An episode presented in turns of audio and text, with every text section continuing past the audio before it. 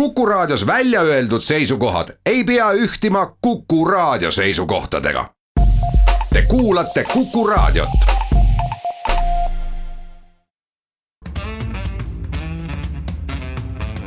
muuli ja Riikoja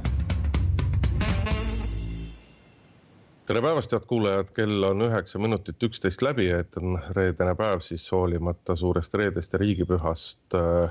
on ka saate Muuli ja Riikoja aeg ehk äh, Kalle Muuli ja Hindrek Riikoja on stuudios, peaaegu stuudios. tere päevast. alustame tänast saadet loomulikult koroonaviiruse teemadega, vaatame üle numbrid, räägime masstestimisest, maskidest ja millest kõigest veel. jah, ja siis, kui vähegi aega üle jääb, räägime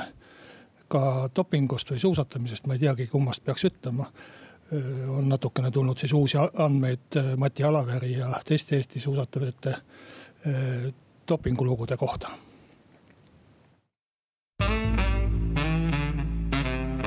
muuli ja Riikoja nagu ikka, siis päris meie saate alguseks kõige värskemad andmed tulnud ei ole, aga eilse seisuga oli siis Eestis äh, õigupoolest nii-öelda ühe ööpäevaga leiti Eestis äh, kakskümmend kolm koroonaviirusesse nakatanut, teste tehti kokku tuhat kuussada üheksa, see on siis kolmapäevase päeva jooksul ehk tegelikult ainult üks protsent palju positiivseid tehtud proovidest, mis on muidugi väga, väga hea näide. eilse hommikuga vajas haiglaravi sada kolmkümmend neli inimest, üheksa nendest olid juhitaval hingamisel, haiglast välja kirjutatud oli eilseks hommikuks kaheksakümmend kolm inimest ja kokku surnud kakskümmend neli, millest muidugi on väga kahju, aga üldiselt noh, tahaks öelda, et need numbrid lähevad pisut paremaks, aga ega siin ju jätkuvalt see vana jutt, et äh, väga palju sõltub sellest, kas testimisse satub ka mõni hoolekodu või, või, mõni selline, kus peamiselt eakamad inimesed koos elavad, sest et kui sellistesse kohtadesse on viirus sisse trüginud, siis ega temast on ta seal reeglina ka laiemalt, laiemalt levinud eile otsustas ka valitsus, et esmalt siis Saaremaal viiakse läbi vabatahtlik masstestimine, et saada äh, täpsemat ülevaadet äh, sellest, kui levinud haigus tegelikult on, sest et nagu me teame, paljud inimesed põevad viirust tegelikult nii, et nad ise õigupoolest seda tähele ei panegi või on siis sümptomid väga, väga väikesed, aga nakatavad nad sellel ajal teisi küll ja üks äh, neid numbreid, millest on nagu spekuleeritud, noh, ütleme, et äh, et vahemikud jäävad, ütleme kahest kuni kümne korrani, mis on oletatud, et mis võib tegelik nakatunute arv Eestis olla. Ja eks see Saaremaa peaks siis andma meile, meile mõningase ülevaate sellest, aga noh, vaadates, kui intensiivselt seni on haigus Saaremaal levinud, siis ma ei ole lõpuni kindel, kas Saaremaa on, on ka nagu päris õige selline lakmuspaber kogu Eestile üldistuste tegemiseks no ühe numbri sa jätsid äh, ütlemata, see on äh, eilse seisuga siis kogu nakatunute arv oli tuhat kakssada kaheksa. ja kui me vaatame äh, kasve nädala pinnalt siis reedest reedeni või neljapäevast neljapäevani, siis tegelikult sellel nädalal tuli juurde nii nakatunuid kui ka haiglas olijaid noh, praktiliselt sama palju kui, kui eelmisel nädalal ehk siis. ma võin, segan sulle, Kalle, vahele, sellepärast et just praegu on tulnud ka nagu värsked andmed siis eilse ööpäeva kohta, et analüüse tehti eile tuhat nelisada seitsekümmend üks ja viiskümmend üks neist olid äh, positiivsed ehk siis kolm protsenti, noh, kolm protsenti ei ole suur, aga, aga siiski tunduvalt suurem kui ööpäev varem. Harjumaal tuli juhte kakskümmend kolm, Tartumaal üksteist, Saaremaal kaheksa, Ida-Virumaal ja Pärnumaal lisandus kummaski kaks juhtumit Jõgeva, Viljandi ja Järvamaal üks juhtunud ja vaatame siis kokku haiglaravi sada kolmkümmend kaheksa inimest, jätkuvalt üheksa inimest on juhitaval hingamisel ja surmajuhtumeid õnneks ei ole nüüd kaks päeva järjest juurde tulnud, ehk see arv püsib siis kahekümne nelja inimese juures. jah, et see, kui kasvu vaadata või muutumist nädala jooksul, siis tegelikult need numbrid on samaks jäänud, mis tähendab, et üks inimene nakatab siis äh, vähem kui, kui, kui nädal tagasi. mis minu meelest on, on väga hea näitaja ja, ja ma arvan, et see ka loob üldse eelduse, et me saame hakata mõtlema mingite selliste asjade peale nagu masstestimine või, või muud katsed, et kui haiglas on sada kolmkümmend üheksa inimest, siis see on ikkagi väga hea saavutus, ma olen näinud neid prognoose, mis kunagi tehti, olid need nüüd veebruarikuised või märtsikuised pigem vist märtsikuised, kus arvati, et aprilli keskel on haiglas kuussada inimest ja rohkem, et. et sellise koormuse juures nagu praegu, kui me suudaksime sellist mm, taset hoida või, või äh, isegi kui ta natuke suuremaks läheb. et see kindlasti on meie haiglatele jõukohane, kui Saaremaa välja arvata, seal Kuressaare haiglaga on teised lood aga, aga midagi nagu sellist äh, kohutavalt traagilist Eestimaa peal minu meelest praegu juhtumas ei ole, Eesti inimesed on väga tublid olnud ja väga hästi seda haigust suutnud ohjata. et äh, nüüd ongi siis küsimus või on jõutud selle aruteluga sinna kohta, et äh, kuidas sellest karantiinist või, või eriolukorrast siis, kuidas kuskil välja tulla. ja ega ju tegelikult muud varianti ei ole, kui kas äh, läbipõdemine või vaktsiin, mingil viisil sa pead selle immuunsuse saama, vastasel korral ta tuleb ju tagasi. ja, ja eks seda masstestimist nüüd üritatakse teha selle mõttega, et saada aru, kui palju on siis neid inimesi, kes on selle haiguse tegelikult läbi põdenud. väga paljud võivad olla ka sellised, kes ei olegi arsti juurde sattunud või kes ei ole ka oma äh, testi sattunud tegema äh,. et teada saada, mis haigust nad põevad, kui neil väike nohu või köha on noh, Saaremaa on selles mõttes noh, kuidas seda ütelda, mugav paik, et ta on suhteliselt isoleeritud ja suhteliselt väike. Kolmkümmend neli tuhat inimest, mis seal kokku loetakse, see on suurusjärgus Tallinna mõni väiksem linnaosa. Nõmmel on suur, rohkem. Pirital vist natuke vähem inimesi. et äh, aga noh, seal on nii palju küsimusi. esiteks ju ei ole seda testigi veel välja valitud, et äh, mida see test siis näitama hakkab, kui usaldusväärne ta on. lisaks veel see, et kui palju nendest kolmekümne neljast tuhandest siis testima tuleb, sellepärast et ega, ega inimesi ju käsu korras ei saa testima saata, et see on nende tervis ja igaüks saab ise otsustada, kas ta tahab testi teha või mitte teha. et mis tulemused me saame, mida ta näitab sealt, et see kõik on selline noh, tuleviku küsimus ja, ja praktika küsimus, aga ma arvan, et äh, hea on see, et vähemalt üritatakse. ja, ja ma arvan, et Saaremaa on selleks ikkagi, kui sa vaatad Eestit, üks kõige sobivamaid kohti juba ainuüksi sellepärast, et seal võib ka suhteliselt palju olla neid, kes tõesti on põdenud, ilma et neid oleks äh, testitud, et kui sa lähed kuskile testima, kus äh, see nakatunute praegune arv on väga väike. ma ei tea, on see kaks või seitse või palju seal Jõgevamaal on. et et äh, seal on väga suur tõenäosus, et test ei näitagi midagi, et ongi sul tulemus null ja, ja väga palju sa targemaks ei saa, ehkki sa oled palju raha ära kulutanud, palju inimeste aega ja nii edasi. selles mõttes ma arvan, et see Saaremaa valik on hea ja seda, seda masstestimist tulekski käsitleda sellise pilootprojektina, et, et näha, kas sellise testimisega üldse saab mingisuguseid usaldusväärseid tulemusi või mitte, et kuidagi me peame hakkama mõtlema, kuidas seda eriolukorda ära lõpetada ja kuidas kuidas saavutada jälle normaalne olukord. et ei oska midagi muud soovitada peale selle masstestimise küll. muuli ja Riikoja. Läheme saatega edasi, Kalle Muuli ja Hindrek Riikoja, mina küll olen väikesel distantsil, aga loodan, et saame tehnilistest probleemidest üle sellel nädalal on ülipalju kõneaineks muidugi olnud maskid, sellepärast et lõpuks ometi on ka apteekidesse jõudnud maskid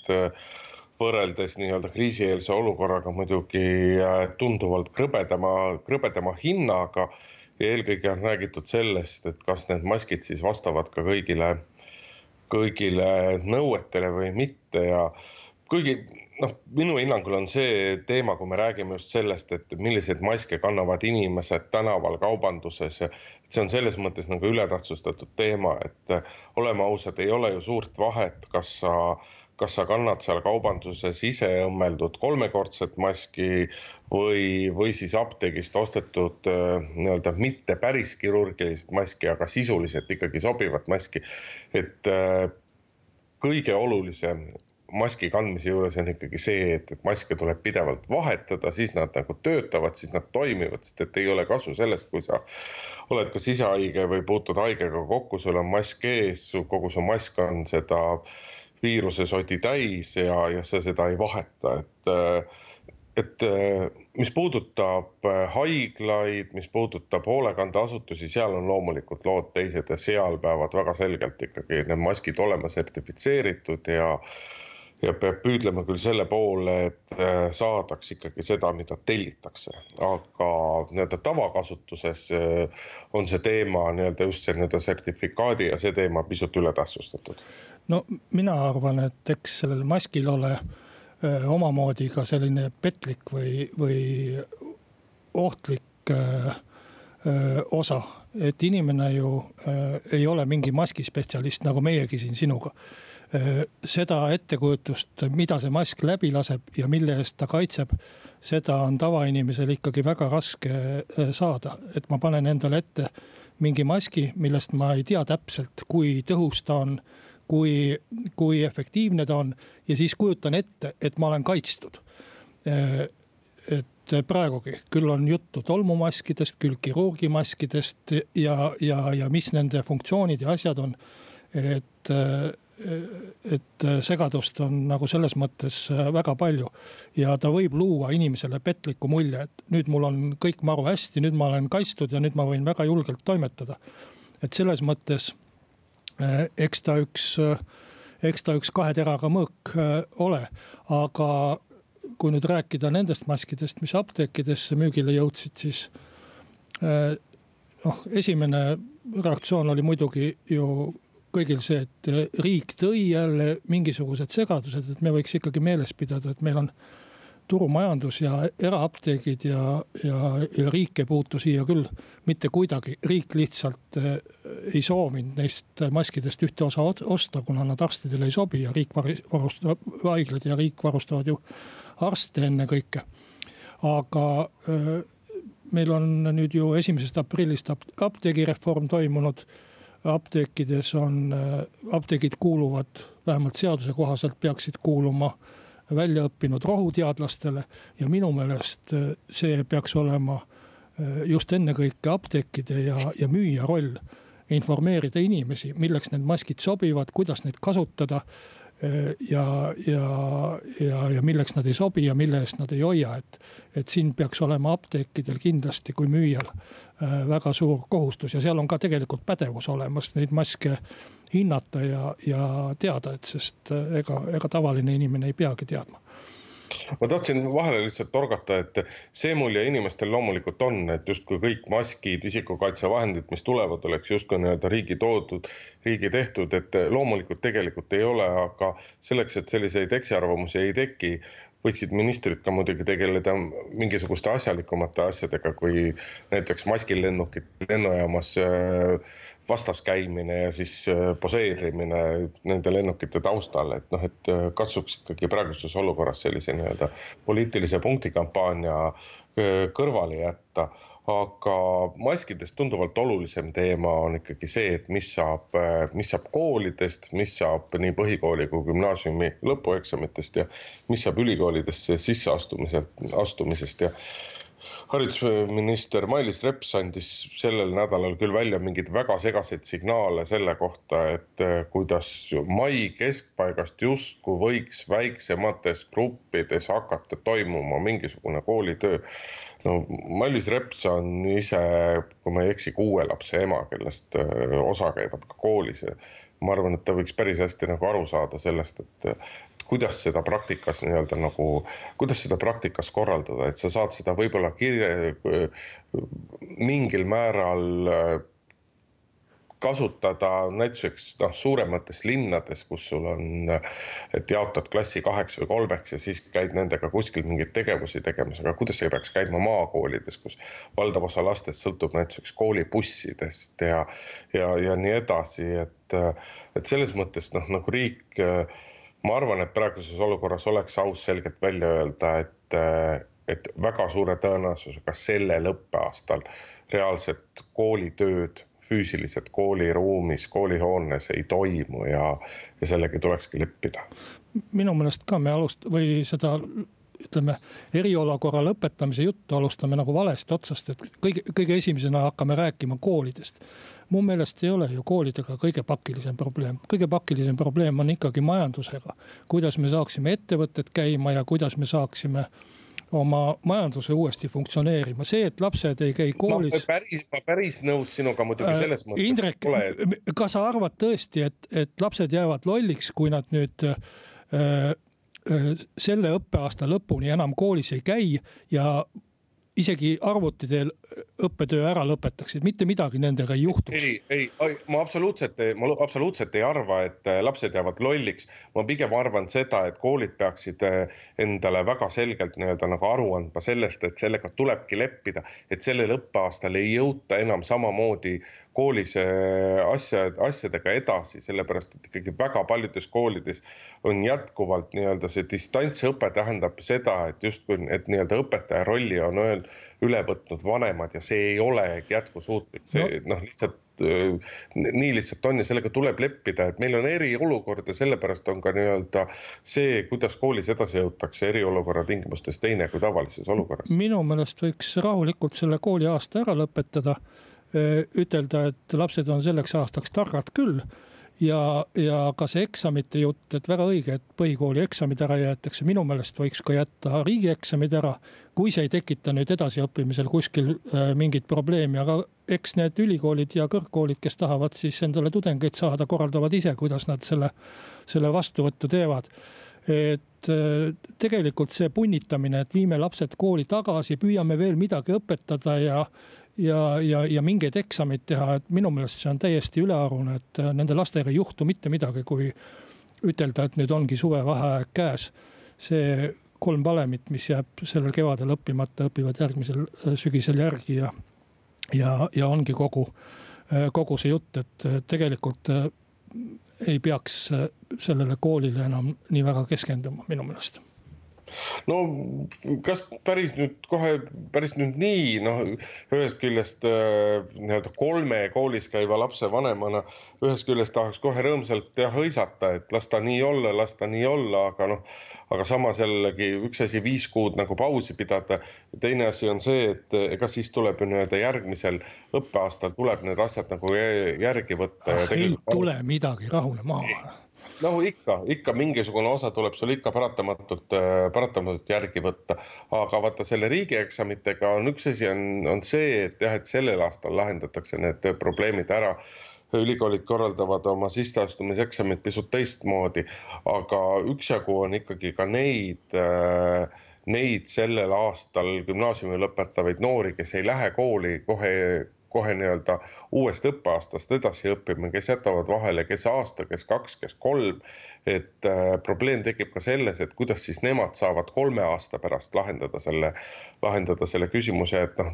lihtsa vaevaga võiks öelda, et äh, pole midagi, et teevad järgmine aasta riigieksami, riigieksamid, aga kui sul on ikkagi aasta pausi jäänud, siis sinu tulemused riigieksamitel ei ole kindlasti need, mis nad oleksid sellel aastal. no tegelikult äh, ega praegu on äh, koolilastega sama lugu, et nad on ikkagi ratta pealt maas. Nad ei ole saanud äh, sellist vahetut koolikoormust ja nad ei ole ka vahetult saanud õpetajaga suhelda. ja teha nüüd ütleme gümnaasiumi riigieksamid nii nagu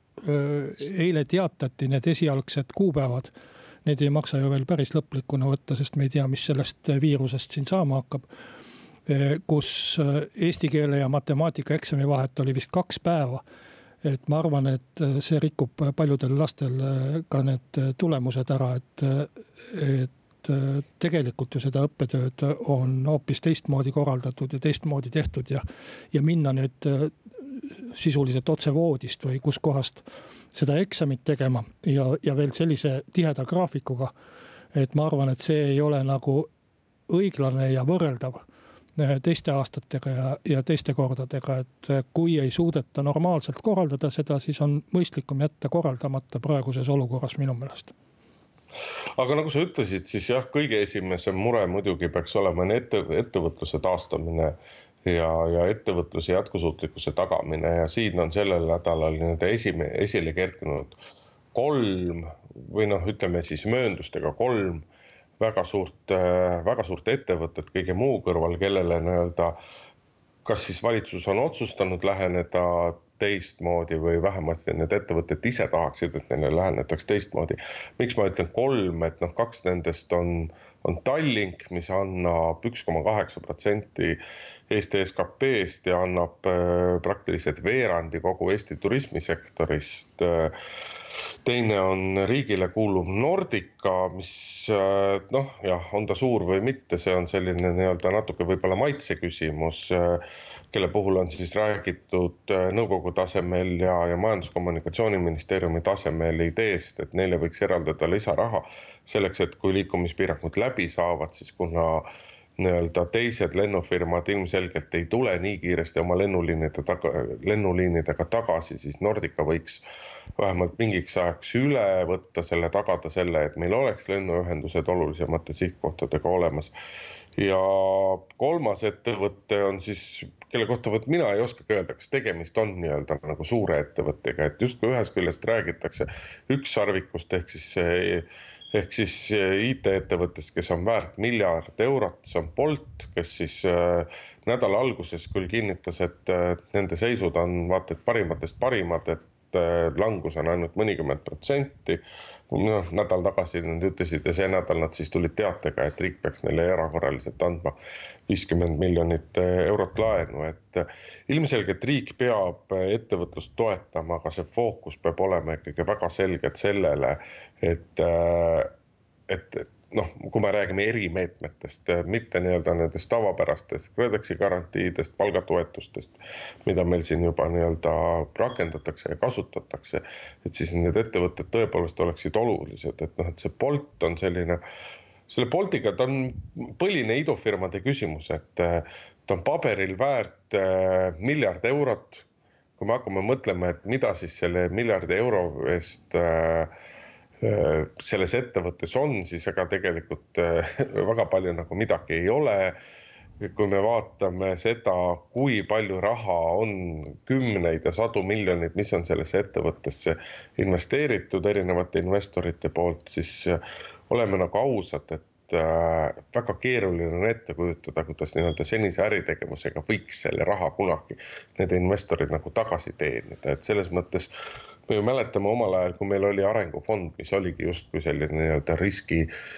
riski, riskiinvestor, kes investeeris IT-tehnoloogiasse, idufirmadesse. Ja ei teinud seda ju mitte kõige nagu kehvemat ja kõige vähem edukamalt, siis kui palju kriitikat sai riik ja sai arengufond sellepärast, et selle taustal ma ei tea, kas nagu sellistesse idufirmadesse riik peaks kuidagi sisse minema. noh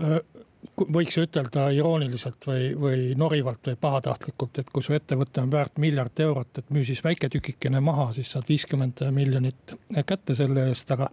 aga ma saan aru, et see on praeguses olukorras, praeguses majandusolukorras selline äh, tõesti äh, kohatu iroonia, aga ma arvan, et äh, riik peaks toetama kõiki ettevõtteid, kes on olnud seaduskuulekad ja kes on olnud ausad maksumaksjad. Äh,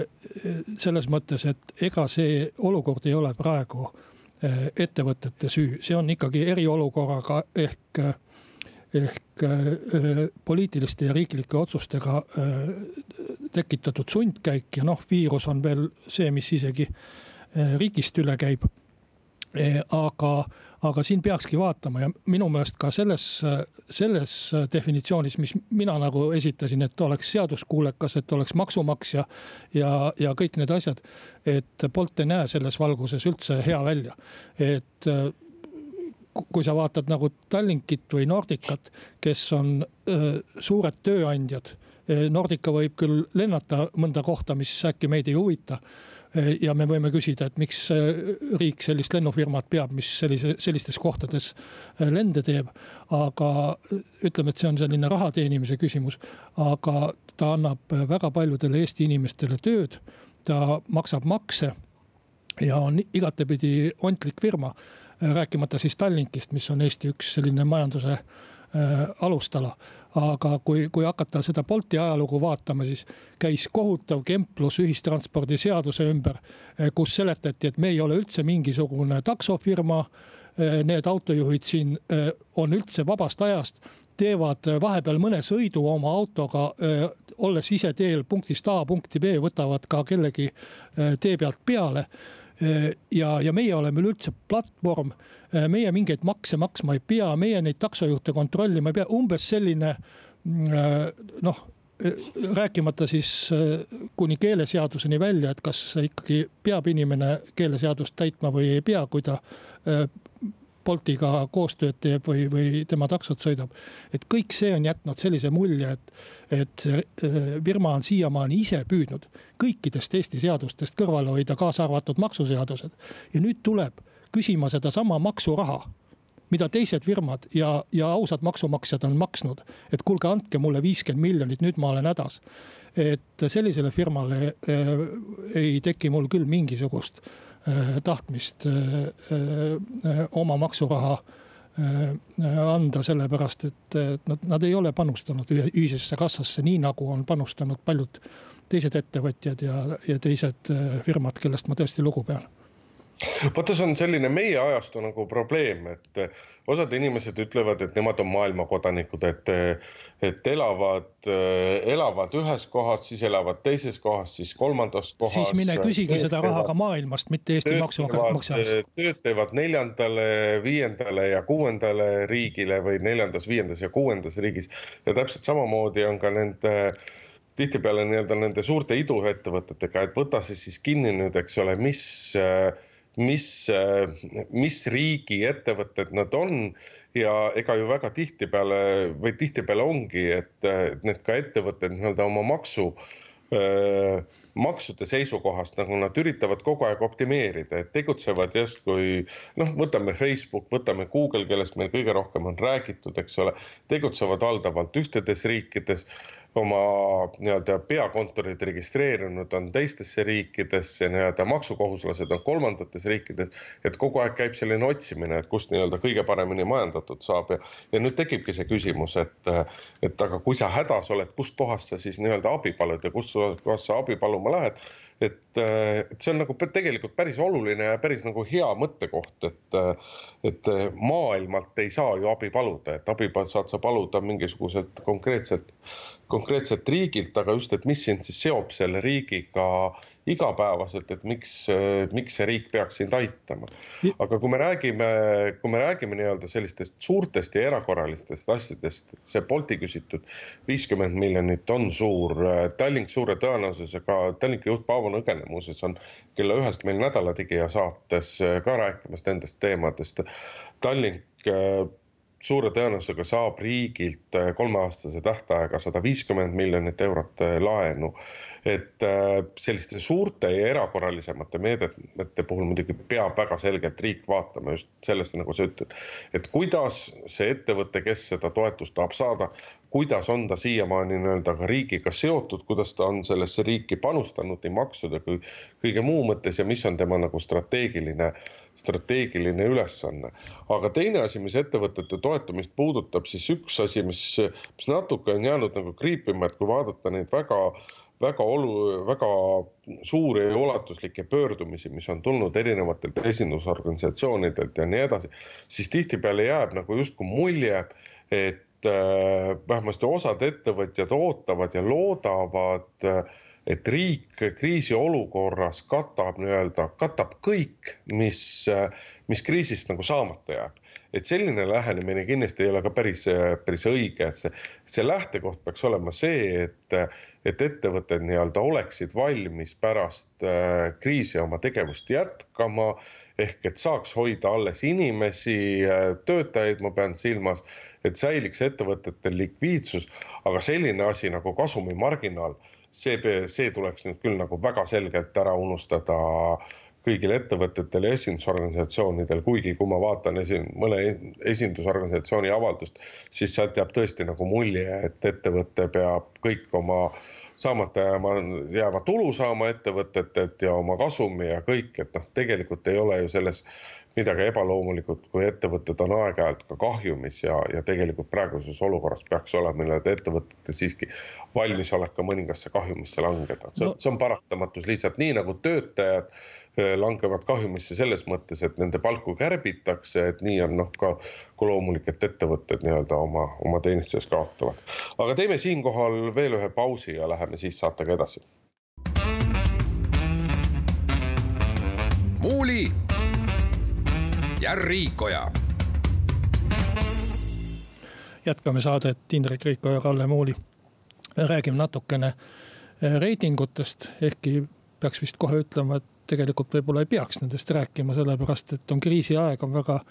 eriline aeg ja kui, kui hirmsasti tähelepanu kogu aeg poliitikute reitingutele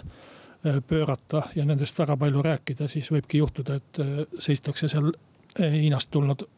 maskilennuki kõrval ja, ja püütakse võimalikult palju äh, kaamerasse jääda äh, selle asemel, et, et keskenduda rohkem tööle. sellega ma ei tahtnud ütelda, et minister Jaak Aab ei oleks seda tööd teinud, väga hästi on teinud. aga viimaste reitingute siis tulemused on noh, minu meelest selles mõttes ootuspärased, et, et Keskerakonna ehk siis valitsuse juhtiva erakonna reiting on erakordselt kõrgel, äh, vist küll valimiste ajast üldse äh, kõige kõrgemal äh, tasemel ja sellega seoses siis on kogu valitsuskoalitsiooni toetus samuti kerkinud kõigi aegade tippu, ega neil kõrgemat siiamaani ei olegi olnud. valitsusest saab varsti aasta möödas ja selle selle aja jooksul siis selliseid äh, tulemusi ei ole olnud, aga see on ka täiesti nagu mõistetav ja tavaline äh, erakorralistes olukordades, et kui vaadata ka mööda maailma äh,. nii kaugele kui silm ulatub kus reitinguid mõõdetakse, totalitaarsetest riikidest ei tahaks rääkida, aga. aga kasvõi USA-s siis presidendi reiting teeb seal samuti peadpööritavaid edusamme. et et äh, ühest küljest on see nagu selline mõistetav ja, loogiline, et rahvas siis äh, koondubki toetama oma juhte, kes neid kriisi ajal juhivad, aga, aga teisest küljest ei maksa minu meelest seda siis ka üle tähtsustada ja hakata, hakata rääkima, et nüüd on mingisugune kohutav poliitiline edu saavutatud. no vot, eks see ongi selline nagu lähenemise küsimus, et see muidugi päris automaatselt see alati nii ei ole, et kui on kriis, siis äh, siis valitsust nii-öelda toetatakse, valitsust usaldatakse, et äh, asja üks külg on see, et kuidas valitsus nii-öelda avalikkuse hinnangul, inimeste hinnangul hakkama saab selle kriisi, äh, kriisi likvideerimisega, aga teine, teine asi on muidugi millest palju ka sõltub, on see, et kuidas inimesed tajuvad, et kas kriisi tekkimises on valitsus kuidagi ja poliitikud kuidagi ka ise süüdi või nad ei ole selles süüdi ja noh. praegu ilmselgelt nii-öelda see taju on see, et, et süüdi ei olda ja noh, vot siinkohal ma, ma jälle tahaks tagasi tulla selle juurde, et noh. et opositsioon on küll mingites kohtades häälekas, aga opositsioon on tegelikult meil ajaloo üks hambutumaid ja, ja ka sellises olukorras oleks võimalik opositsioonierakondadel nii-öelda olla rohkem pildil, olla rohkem ka seeläbi rohkem nii-öelda toetatud, see võti on muidugi selles mõttes nagu kummaline, et, et kui tavaolukorras see peaks opositsioon koalitsiooni võimalikult palju kritiseerima, siis sellistes kriisiolukordades töötab pigem see lahendus, kui. kui suudetakse välja näidata, et, et opositsioon erinevalt poliitiliste, olenemata poliitilistest erimeelsusest ikkagi suudab nii-öelda kriisi leevendamisel käia. käia koalitsiooniga ühte sammu, aga, aga, aga noh, selleks vähemasti meil, ma ei tea, kas ei olda vaimselt suutelised või, või uhkus ei luba või, või mis selles on, et osade Reformierakonna liikmete väljaütlemised kasvõi selle kriisipaketi ja kõige selle puhul noh, ikka ilmselgelt peegeldavad seda, et küsimus ei ole mitte kriisipaketi sisus, vaid küsimus on põhimõttes, et koalitsiooni, koalitsioonile peab andma vastu hambaid, koalitsiooni kohta peab ütlema, et nad ei oska mitte midagi teha ja võiksid olla võib-olla hoopis kuskil karjakutena tööl. Nojah, kui nüüd reitingu väliselt vaadata seda olukorda, siis tegemist ongi ju tegelikult nii-öelda välisvaenlasega sõna otseses mõttes, mis on meile sisse toodud. ja kui sa vaatad kriisikomisjoni hakkamasaamist, siis tegelikult kui, kui võrrelda siin naabermaadega või, või teiste Euroopa riikidega, siis see hakkamasaamine on ju olnud päris hea, arvestades, kui väike, vaene ja, ja, ja kehvade võimalustega on Eesti riik oma eelarveliste ja, ja, ja muude võimaluste poolest võrreldes äh, vanade Lääne-Euroopa riikidega, kus jõukuse tase ja meditsiinitase on hoopis teine olnud, siis minu meelest äh, meil ei ole küll põhjust ei, ei oma rahva peale ega oma riigi peale kuidagi halvasti vaadata ja, ja sellepärast kuidagi häbi tunda, et me nüüd ei tuleks riigiga toime. Eesti riik on väga hästi selles kriisis toime tulnud minu meelest ja, ja, ja võiksime need reitingud rahulikult mõõtmata jätta ja nendest reitingutest ka rahulikult rääkimata jätta, et äh, vaadata oma riiki äh, kui sellist suhteliselt küpset riiki ka ilma nendeta no ma ei tea, kas nüüd just võib-olla väga hästi, võib-olla see on niisugune liialdus, sellepärast et ega on ju siiski valitsuse aadressil olnud selles mõttes ka ka kriitikanooli, et kuidas me olime, kuidas me kriisiks valmis olime, kasvõi seesama kaitsevahendite varu ja kõik see. sellel nädalal on ju sellestki palju juttu olnud, et tegelikult nii-öelda terviseameti tasandil ja muudel tasanditel räägiti juba mõnda aega sellest, et, et meil ei ole näiteks piisavalt isikukaitsevahendeid, kui midagi peaks juhtuma. ja poliitikud ja sealhulgas ka valitsuspoliitikud ei tahtnud sellega midagi teha. osad kriitikud ütlevad, et, et nii-öelda rangeid piiranguid oleks võinud alustada veelgi varem ja veelgi rangemalt, et selles mõttes kindlasti leiab asju, mida oleks võinud teha teistmoodi, et aga ma arvan, et normaalselt ja hästi on valitsus kahtlemata hakkama saanud, et selles mõttes jah, et nii-öelda ärme ole ülevoolavalt kiitvad, aga ei maksa ka põhjendamatult kriitilised olla. muuli ja Riikoja üks teema on sellest nädalast küll selline, mis, millel koroonaviirusega ei ole mitte miskit puutumatu, puutumist, aga kahjuks on tegemist siiski kõike muud kui kui nii-öelda hea teema või hea teemakäsitluse või heade uudistega. aga meditsiiniline nädalal... teema siiski, Indrek, meditsiiniline meditsiiniline teema küll, et äh, sellel nädalal said siis nii-öelda põhjalikumalt avalikuks äh, FIS-i uurimised seoses eh, nii-öelda Austria dopinguskandaalis mäletatavasti siis Seefeldi suusaalade MM-il sai lahvatas dopinguskandaal, kus tuli välja, et eh, ka Eesti sportlased on kasutanud veredopingut ja sellel nädalal siis said FIS-i andmed eh, avalikumaks, just nimelt uurimisandmed ja uurimise käigus tunnistas Alavere, et oli loonud kontaktvõrgustiku, mis, mille käigus edastas osadele hoolealustele. Mark Schmidtis on siis dopinguarsti kontakti. uurimise käigus leidi,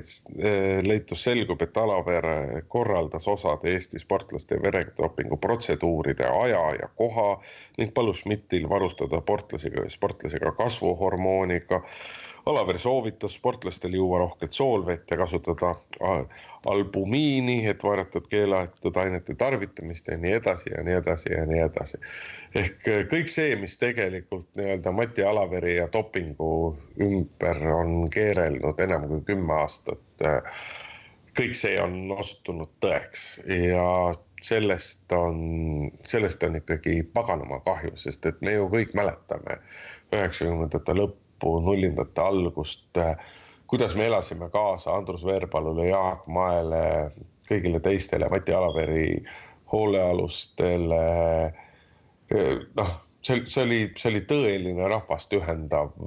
ühendav asi ja, ja, ja, ja nüüd on lõplikult selgeks saanud see, et, et suur osa sellest oli üles ehitatud pettustele. ja